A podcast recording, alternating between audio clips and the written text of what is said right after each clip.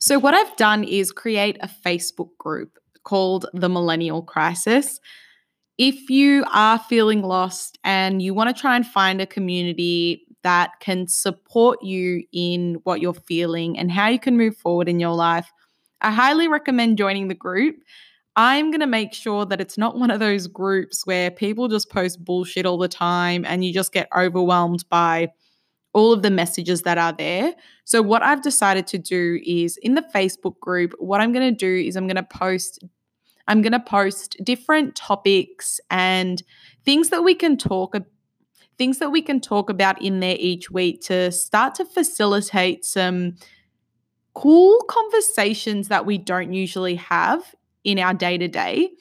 And hopefully, from there, I want those connections that we make there to turn into real life connections. Because if I'm completely honest, I'm kind of over the online shit. Like, I think it's great initially to kick things off, but we need more connection I think the rates of anxiety and uh, in particular social anxiety are growing because we actually don't practice our social skills that much.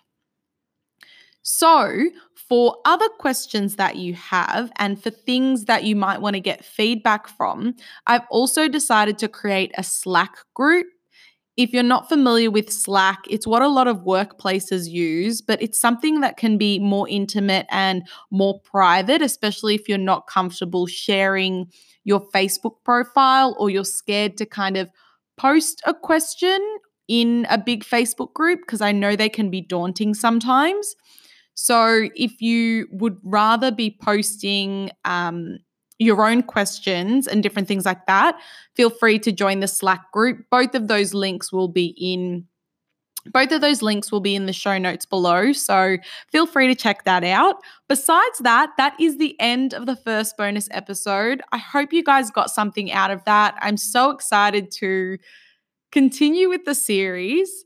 Um, the one huge thing you can do to help me out is to subscribe to the podcast, to rate it and leave a comment. Um, or more importantly, to just share it with a friend that you think would love to listen to it and would get something out of it. Share it to your socials, even and tag me. It helps me so, so, so much.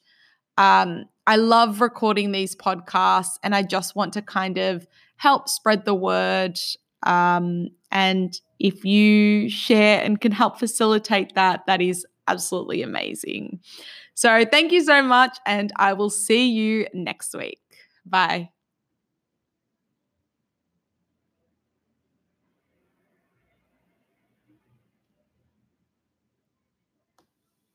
So, what the fuck is this week's? So, what is this week's challenge for the podcast? Great question. And I'm about to answer that for you. This week, I want you guys to, this week, I want you to start off small. And because these past two episodes have been about what a millennial crisis is and who we are as millennials, what I'd like you to do is to open up the conversation with someone about what your millennial crisis is whether that's a friend or a family member or sharing something online. I know for me, writing blog posts, writing blog posts really helped me. And sometimes Instagram captions or an anonymous post on a blog spot or a medium article can really be a great outlet for you if you're not comfortable yet to open up the conversation with a friend or a family member, feel free to DM me. I'm always happy to chat. But besides that, I've also created an anonymous uh, page. So it's like in a survey format, but all of the people that respond come up anonymous, so I can't see you. And what you can do there is put in your age, your gender, and then what your millennial crisis is and answer a couple of questions about it. I know it seems silly, but once you're right, once you write something down, it actually allows you to kind of get it off your chest, even if you're not saying it to anyone.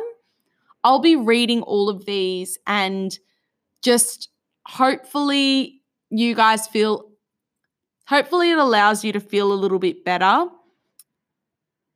I'm going to be sharing a lot of the answers that I get on my Instagram. Don't worry, like I said, you will be anonymous. But what I want to do by that is to share some of the stories that you share with me so that I can share with everyone else and help them feel a little less alone in their particular millennial crisis. Because as millennials, we're not all the same and we all deal with different kinds of millennial crisis. And we all deal with different kinds of millennial crises. Some of them in which I have not, some of them have probably not even crossed my mind because they're just not something that I might deal with. And some of the things that I say might not have ever crossed your mind because there's something that you don't ever deal with. I think it's important for us to listen to other people's millennial crisis just as much as we share our own. So the link for that will also be in the show notes. So please do that and let me know how you go with this week's challenge. Um, I'm so excited to circle back with you next week.